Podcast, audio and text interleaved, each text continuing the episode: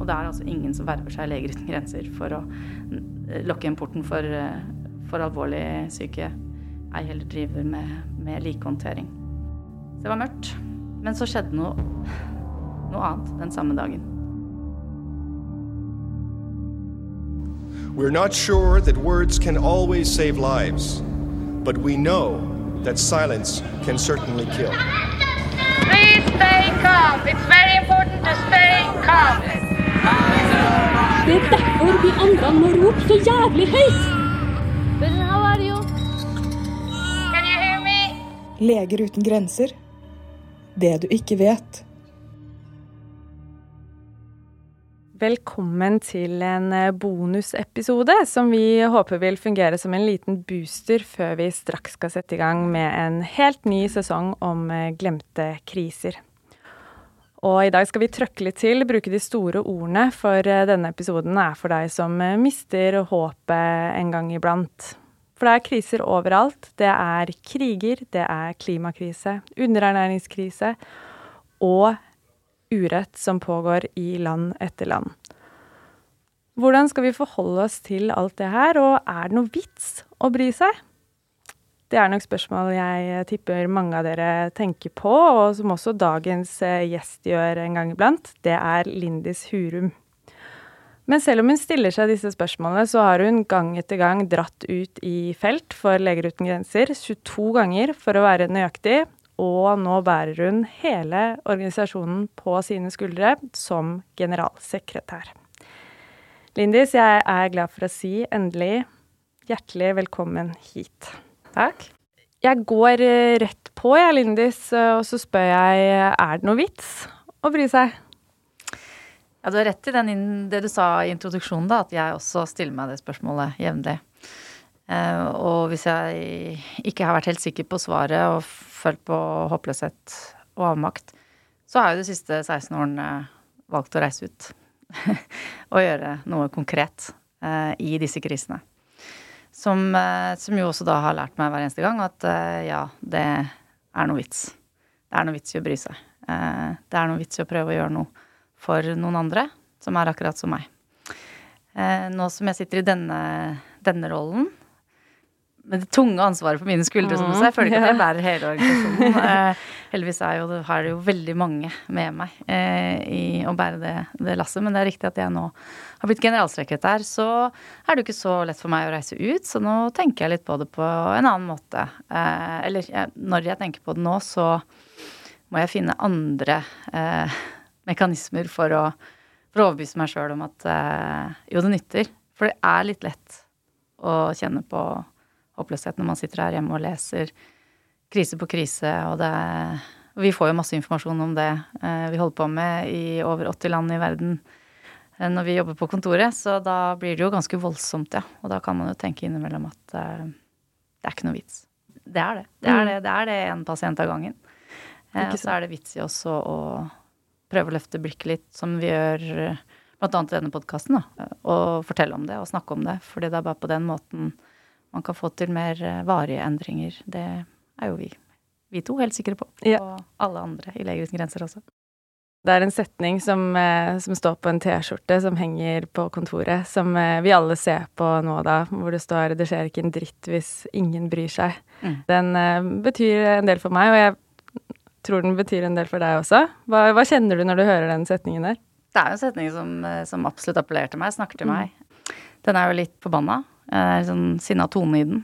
Og jeg syns jo at Leger uten grenser er en, en litt sinna organisasjon. Eller vi, vi Det å si fra om urett og det å ønske aktivt å gjøre noe med det, og si fra høyt og tydelig Vi pakker det ikke inn ofte. Som regel. Helst. Så, og det resonnerer med meg, da, hvem jeg er, eh, som eh, har vel båret på litt sånn grunnsinne for hvordan verden er skrudd sammen siden jeg var ganske lita. Som er en av grunnene til at jeg fortsatt, fortsatt å jobbe for Leger uten grenser da, i 16 år. Så ja, det, for det skjer virkelig ikke en dritt hvis ikke noen bryr seg. Ja. Og det er lett for oss alle, også meg, å velge bort og se en annen vei fordi, fordi det er vanskelig, fordi det er vondt, og man kan ikke ta inn over seg verdens elendighet hele tiden. Men innimellom så må vi det. Du, jo, du får jo ofte høre nettopp det, Lindis. Hvorfor er du så sint? Utrolig irriterende å høre, for så vidt, hvis man er sint. men, eh, men ja, hvorfor er du så sint, Lindis? Ja, da pleier jeg å svare at det er jo helt feil spørsmål. Spørsmålet er jo heller hvorfor er vi ikke alle mer sint? Fordi jeg tror jo veldig på det. Det er, det er mye god energi å være sinna. Og jeg veit jo også at det ikke ser så veldig ut som jeg er sint. Jeg smiler veldig mye, og folk tenker nok eh, ikke nødvendigvis at jeg er det. Men det er jo ikke sånn at jeg blir forbanna for liksom å dra til folk. Jeg er jo sinna på vegne av noen andre. Eh, jeg reagerer sterkt på urett. Urettferdighet. Og rent fysisk, faktisk, og kan bli sint av det. Og det er det ganske mye god energi for å ønske å gjøre noe med det. Eh, jeg sier ofte at først må du bli berørt. Altså først må, må du kjenne hjertet. Du må eh, ja, bli berørt av skjebnen til et annet menneske. Se deg selv i den andre. Og så bli opprørt. Du blir ikke opprørt før du har blitt berørt. Eh, så derfor må, må også vi i Leger uten grenser tenke på hvordan vi forteller de historiene vi forteller. Mm. Fakta og harde tall, det må til, fordi vi må vise at det er basert på data og, og, og fakta, det vi sier. Men vel så viktig er det å fortelle historier og få, få frem at dette er mennesker, akkurat som deg og meg, sånn at vi kan berøre for deretter å opprøre. Husker du når du sist ble sint? Sånn ordentlig sånn fresing. Mm. Eh, Akkurat det, ja. vi kan bli så småirritert innimellom. Men ja. Eh, fresing skjer ofte om morgenen. Da er jeg også litt mer sånn hudløs som oss andre. Jeg er ganske dårlig på morgener mm. før, før, dagen har kommet i gang. Og da hører jeg jo på morgennyhetene. Um, så det var vel sist, sist det skjedde, var nok i forbindelse med Ukraina-krigen eh, og alt som skjedde i forbindelse med den, der var det ganske ofte at jeg reagerte på hvordan det ble dekka. Um, jeg husker spesielt at det da kom en nyhet om at vi nå hadde fått evakuert ut syke, eh, skadde, eller i hvert fall alvorlig syke ukrainske flyktninger fra uh, Moldova, tror jeg det var. Eller i hvert fall et av de landene i, nabo, i, i nærområdet der hit til Norge, for det hadde vi forplikta oss til. Eh, vi hadde stilt et fly til rådighet. Og det syns jeg er helt topp. Hvis ikke alvorlig skadde og syke mennesker, flyktninger, eh, kan Altså hvis ikke de får den helsehjelpen de trenger dit de har flykta til, så er det helt topp at Norge stiller opp med det. Vi hadde stilt et helt fly til rådighet. Og det hadde da, kunne Morgennytt fortelle meg at da hadde det tatt av for å komme tilbake til Norge. Og det var bare Hva var det da? Dette må vi egentlig få riktig, men det var, jeg tror det var mm. under 50 mm. som var om bord, og det, to, det flyet tok jo mange flere. Hvorfor ble jeg så sinna for det? Fordi det, det var en så sterk kontrast til, til de, alle de menneskene som sitter fast i leirer i, i, Hellas, eh, Moria og andre, som vi jo i årevis har sagt fra om, ropt høyt, brukt fakta for å si dette er ikke greit. Og det er, vi har en forpliktelse til å ta oss av de. Vi må evakuere de aller svakeste, de som er syke, de som er sårbare. Og det har jo ikke vært mulig. Vi har fått ut noen få etter utrolig mye jobb. Og, og den kontrasten der da, gjør meg forbanna. Fordi da er det liksom litt sånn som at alle mennesker er kanskje ikke like mye verdt likevel. Sånn som menneskerettighet menneskerettighetserklæringen sier. Ikke sant. Um, og igjen, det er ikke for å si at det var noe galt i å, i å evakuere de ukrainske flyktningene, for all del. Hvorfor var det så, så, lett, når det er så vanskelig for mennesker som også fortjener å få nødvendig helsehjelp, da. Og um, jeg vet jo i felt også så har du jo blitt uh, en del sint. Jeg vet ikke om du kan trekke frem en episode hvor du har blitt mest sint, eller var veldig sint? Ja, ja, det, det, hender ofte det, ja. Fordi altså, da står jeg jo der sammen med de menneskene vi skal prøve å hjelpe. Og hvis de da ikke får den hjelpa de har krav på, um, så blir jeg jo forbanna på vegne av de. Um, og da Det som gjør det litt enklere med det sinnet i forhold til det som jeg har hjemme uh, på kjøkkenet mitt om morgenen, uh, det er at da jeg, kan jeg gjøre noe med det. For da er jeg jo der, uh, og jeg er en av de som da har endringskraft, og som kan få det til. Og ofte så har jo det gått på at det ikke har vært noen andre aktører enn Leger uten grenser i den spesifikke situasjonen, som jeg dessverre har opplevd eh, relativt mange ganger, i særlig da akutte, komplekse humanitære kriser. Så har jeg sett gang på gang at det er Vi står ganske aleine, og det, det kan vi ikke. Fordi vi Vi gir legehjelp. Vi har eh, det tydelige mandatet. Vi er en medisinsk organisasjon. Men ofte så trenger jo flyktninger f.eks. Mer, mer enn det. Ja, det jeg kommer på er eh, spesielt da i Den sentralafrikanske republikk, eh, da krigen eh, brøt ut der i 2013. Og jeg var på plass eh, bare noen dager etter at kampene brøt ut i hovedstaden i Bangui. Og tusenvis av mennesker hadde flykta bokstavelig talt for livet til flyplassen og hadde bosatt seg så nærme de kunne rullebanen. Og i de seks første ukene jeg var der, så var det bare Leger uten grenser som var der. Til tross for at det altså er vanskeligere å komme seg opp på hytta på fjellet i påsken i Norge, på en måte. Fordi de andre organisasjonene anså det som for farlig eh, å være der. Jeg sier ikke at det ikke var forbundet med risiko, men eh, vi som organisasjon er villige til å ta en kalkulert risiko hvis vi kan gjøre noe for eh, konkret for andre mennesker og lindre nød og redde liv. Så, så jeg husker bl.a. at jeg var rasende på WFP, altså Verdens matvareprogram. For de var der i hovedstaden, eh, men kom altså ikke og distribuerte mat, som jo er deres kjernemandat. Og som de i andre kriser er gode til. Jeg har også sett at de har gjort god, god jobb. Og det, det grunnla de med at de, det var for farlig å dra dit, og de var litt usikre på egentlig hvor mange som bodde der, og det ene og det andre, om ikke jeg kunne lage en rapport og sende de. Så da dro jeg ned på kontoret til han som var sjefen i, i WFB, og sa jeg skriver ingen rapport, du kan bli med meg tilbake på, i leiren. Det ville han ikke, sa jeg nei, da setter jeg meg her, jeg går ikke før du blir med. Hva skjedde? Ja, ja, det er selvfølgelig fryktelig irriterende når jeg da kommer inn sånn rasende Ja. Legger uten grenser eh, i T-skjorte og sånt. Så, men eh, nei, jeg satt der noen timer, og så blei han med. Denne episoden her og eh, flyktningleiren du snakker om, det skal vi høre mer om også i, i neste episode, faktisk. For vi skal ha deg med i den, eh, som er om nettopp Den sentralafrikanske republikk. Men jeg vil bare holde litt mer på det sinnet, fordi jeg lurer på om det var sinne som Sinnet du hadde i deg, da, som fikk deg til også å endre karrierevei eh, for sånn 15 år siden, fordi du gikk jo da fra å være TV-produsent for storsatsinger på som Vil du bli millionær, til, eh, til å bli feltarbeider. Så ja, kan du fortelle om det? Eh, ja, nei, det var vel ikke nødvendigvis den samme type sinne, i hvert fall. da.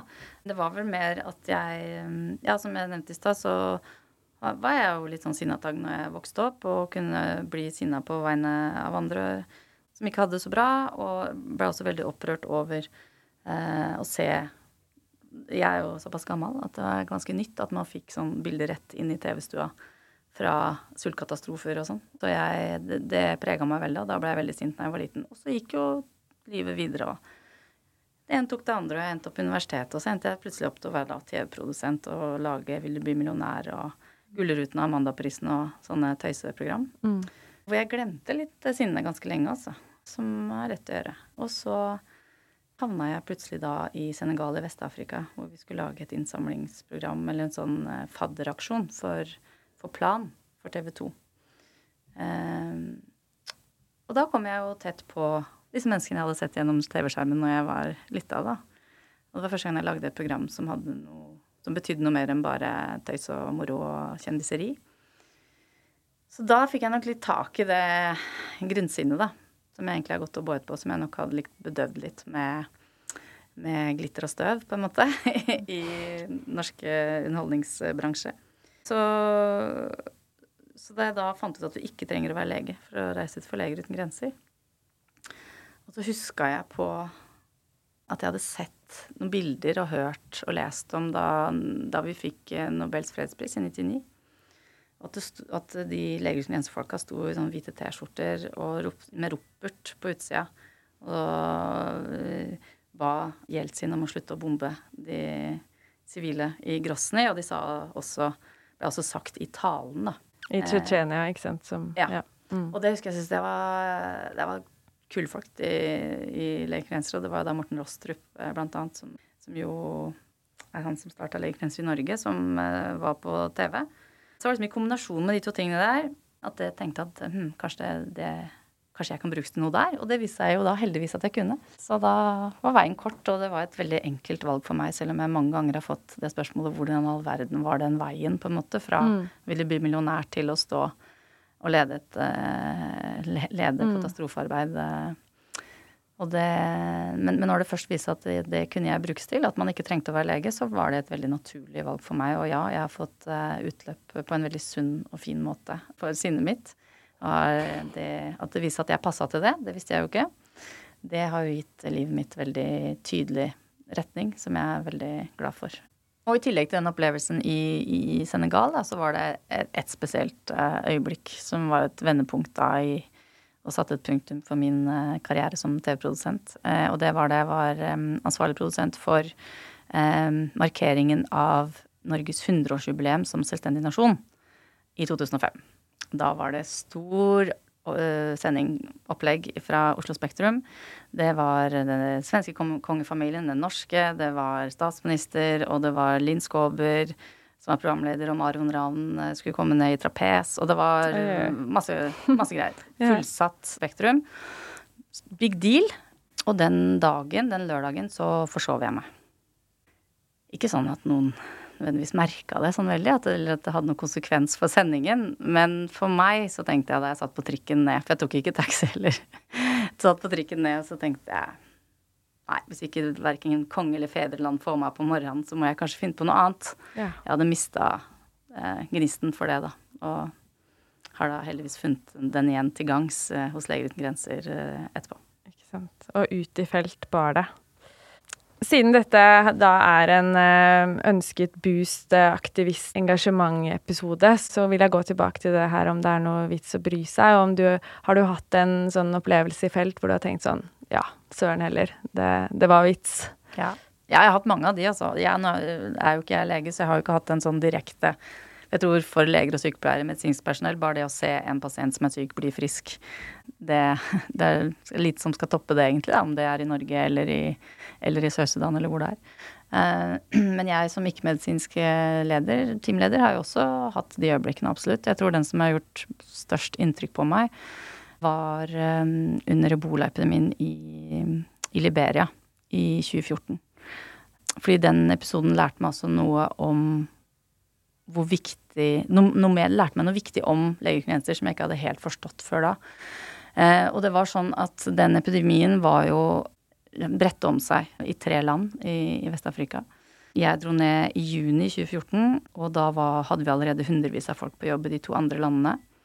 Jeg var da eh, medlem av et beredskapsteam som Leger uten grenser har, som er de altså, som består av erfarne eh, hjelpearbeidere som er eh, villige til å reise ut på kort varsel når, når, alarmen går. Og sjefen min sa du må reise til Liberia, Lindis. Det er eh, kommet bekrefta tilfeller av ebola til hovedstaden Morovia, som jo er en by på nærmere fire millioner innbyggere. Og fram til dette så hadde jo ebola stort sett vært i, inn i Uganda, i Kongo, og det var stort sett legeklienter som hadde respondert på det og, og fiksa det. Vi var litt sånn The Ebola Busters, you're gonna call. Mm. Uh, men denne gangen så var dette mye større enn en legeklienser kunne, kunne, greie. Så hun sa du må reise, jeg har ingen andre å sende med deg, men, uh, men helseministeren ringer oss, tidligere ansatte ringer oss, du, du, må dra, jeg håper du kan ringe tilbake og si at de har kontroll. Jeg hadde aldri jobbet i ebola før, leste guideline på flyet Tenkte litt på Pippi, som jo da også var mitt, min heltinne da jeg var liten. Og hun sa jo 'dette har jeg aldri gjort før, det får jeg sikkert til'. Så det tenkte jeg når jeg leste den guideline, guidelinen. tenkte at det, ja ja, det, hvis jeg bare ikke tar på noen, så går vel dette bra. Det er jo heldigvis eh, Det passer veldig godt å ha den egenskapen og ikke være så veldig bekymra, da, som er Altså et, eh, no, eh, sånn er jeg. Så jeg kom fram. Eh, men det jeg derimot begynte å bekymre meg veldig for ganske raskt, var at dette var jo overhodet ikke under kontroll. Dette kom til å gå skikkelig gærent hvis ikke flere kom til å hjelpe. Og det gjorde det ikke. Ei heller fra Leger uten grenser. Vi hadde rett og slett ikke flere. Og det var så mørkt, det var så tungt. Det var Hver dag ble bare verre og mm. verre. Kom med dårligere, dårligere og dårligere nyheter. Flere og flere ble sjuke. Etter hvert så begynte folk å ligge i gatene uten at noen kunne gjøre noe for dem. Ingen flere kom til. Tvert imot eh, så reiste folk. Ambassadene stengte, evakuerte sine. Fly, flyselskapene slutta å, å, gå dit. Føltes helt, helt håpløst. Og vi bestemte oss egentlig for at vi skulle dra. Da hadde jeg bare et lite team på rundt fem mennesker, og vi greide ikke å gjøre så veldig mye bare oss. Og min jobb som teamleder er alltid å vurdere risikoen til våre ansatte. Og vi er eh, som sagt villige til å ta en kalkulert risiko, men det må alltid veies opp mot hva vi faktisk får gjort. Og i dette tilfellet så fikk vi egentlig ikke gjort noen ting. Alle døde Vi redda ingen liv. Men vi greide etter hvert å få opp et isolasjonssenter. Og da vet jeg ikke hvilke bilder eh, lytteren får i hodet, men det det, egentlig er, er, eller var den gang, var store telt, altså sånne OB-Vik-telt, hvor man lagrer eh, utstyr og varer. Der lagra vi mennesker som var alvorlig syke og døende av ebola. For det var den gang verken kur eller vaksine. Fordi dette er en sykdom som rammer mennesker som ikke er økonomisk interessante for legemiddelindustrien. Og det eneste vi kunne gjøre, og det beste vi kunne gjøre for, for resten av befolkningen, var å isolere vekk så mange som mulig, sånn at de i hvert fall ikke smitta flere. Så den dagen det senteret åpna, så hadde vi mer eller mindre bestemt oss for at vi, kanskje måtte dra. Um, og ganske kjapt etter at vi åpna dørene, bare noen timer etterpå, så måtte vi lukke de. Det var ikke plass til flere. Og da ble mennesker liggende på utsiden av porten, alvorlig syke og døende, eh, med høy, høy risiko for å Eller egentlig garantert smitte videre, for det er jo da du er mest smittsom rett før og rett etter dødsøyeblikket. Og det er altså ingen som verver seg Leger uten grenser for å lukke igjen porten for, eh, for alvorlig syke, ei heller driver med, med likehåndtering. Så det var mørkt. Men så skjedde noe, noe annet den samme dagen så kom de som bodde ved siden av senteret, de som ikke har noe valg, annet valg enn å bli, de som ikke kan dra sånn som jeg kan, de kom og hang ballonger på gjerdet. Og fargerike ballonger. Og på de så sto det 'Thank you', 'Hope', 'God bless you', 'Love'. Og så sang de takkesanger. Og så gråt de. Og så gråt jeg. Og da skjønte jeg at vi gjør noe som er akkurat like viktig, kanskje noen ganger enda viktigere enn legehandlingen. Og det er å gi håp. Og det å velge å være der når alt er håpløst, når alle andre drar, og når vi også kan dra, men allikevel velge å bli, det var eh, veldig viktig og avgjørende for mange av de menneskene. Fordi de følte seg sett, de følte omsorg, og de kjente eh, på det samme som oss, at vi En solidaritet bare mellom mennesker som OK, vi så på hverandre og tenkte det her er helt håpløst, vi får det ikke til. Men vi prøver i hvert fall. Og jeg tror det er helt avgjørende hva vi velger å gjøre som enkeltmennesker, som organisasjon, som nasjon, i møte med andre menneskers lidelse. Velger vi å se vekk, eller velger vi å se rett i øya på den lidelsen Eh, og rekke ut en hånd, selv om noen ganger det er det eneste du kan gjøre, da. Så det å, å bry seg, da, bare om det, om det, er å bry seg om et enkeltmenneske, det, det i seg selv kan gi håp, da. Mm.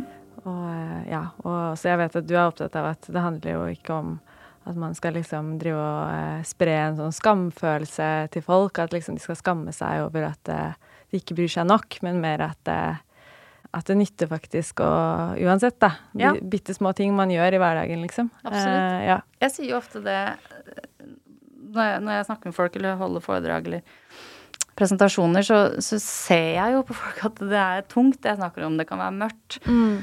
Og man syns det er litt ubehagelig. Noen ganger begynner folk å se på telefonen sin. Noen ganger har jeg opplevd at folk går. Eh, fordi det er tungt å ta inn over seg, um, og man orker det ikke. Og så ser jeg at folk sitter og kanskje skammer seg litt, og i hvert fall kjenner på dårlig samvittighet. Og av dårlig samvittighet gror det ingenting. Så det ønsker jeg også å si til alle som hører på det her. Drit i det. Det har ingen bruk for. Eh, ikke de som sitter i de glemte krisene, og ikke oss. Men igjen, få heller tak i det sinnet, eh, eller bli opprørt, og ønske å gjøre noe med det. Og den sterke solidaritetsfølelsen som Leger uten grenser er tufta på, det at mm. det er bare oss. Eh, det er folk som meg. Eh, det kunne like gjerne vært meg hva du velger å gjøre i det, og ikke tenk at dette er andre menneskers kamper, andre menneskers ansvar, eller tenk at det betyr ikke noe hva jeg gjør. Og selv om ikke alle kan reise ut for Leger uten grenser, og, og godt er det, for hvis alle, alle, gjorde det, så ville jo heller ikke verden gått rundt, men noen gjør det, og det er viktig. Andre mm. kan gjøre andre ting. Du kan være, bli medlem av et politisk parti, skrive leserinnlegg, eh, gå i demonstrasjonstog, eh, bli kjent med den nye naboen din som snakker et eh, språk du ikke kan si fra i lunsjen hvis du egentlig ikke er enig i den samtalen som foregår, som kanskje er demoniserende for andre mennesker. Altså, hva vi alle sammen gjør, det kan vi ikke slutte å tro på at det har noe å si, da. Mm. Mm. Og nå, om bare litt over to uker, den 23. oktober, så kan alle eh, bidra med noe som også viser at man bryr seg. Som er en veldig enkel, men også sterkt solidarisk handling, og det er å gå årets mest viktige søndagstur. En livsviktig søndagstur, vil jeg faktisk si at det er. 23. oktober har vi nemlig TV-aksjonen. Den går i år til vårt arbeid for eh, glemte pasienter og glemte sykdommer i noen av verdens glemte kriser. Og vi trenger bøssebærere. Eh, og det å velge å gjøre det, det er også en aktiv handling som viser at det skjer noe hvis du bor deg. Tusen takk for at du eh, kom hit og boosta oss litt, eh, rett og slett. Eh, men jeg vet at du også sitter på flere historier, bl.a. nettopp da fra Den sentralafrikanske republikk, som vi snakka litt om. Så jeg skal holde på deg litt lenger, og resultatet av den samtalen den kan du som lytter høre i neste episode, som da blir sesongens første glemte krise om Den sentralafrikanske republikk. Og den kommer allerede i morgen. Så da trenger du bare å vente 24 timer før du hører Lindy som er i samtale igjen. Heldig er du. Jeg heter Benikte Sørum og vil eh, takke makker og produsent eh, Marion Mossing, Paul Leger på klipp og Acast som stiller med studio. Og takk til deg som lytter for at du blir med oss inn i sesong to. Det setter vi skikkelig pris på. Vi snakkes.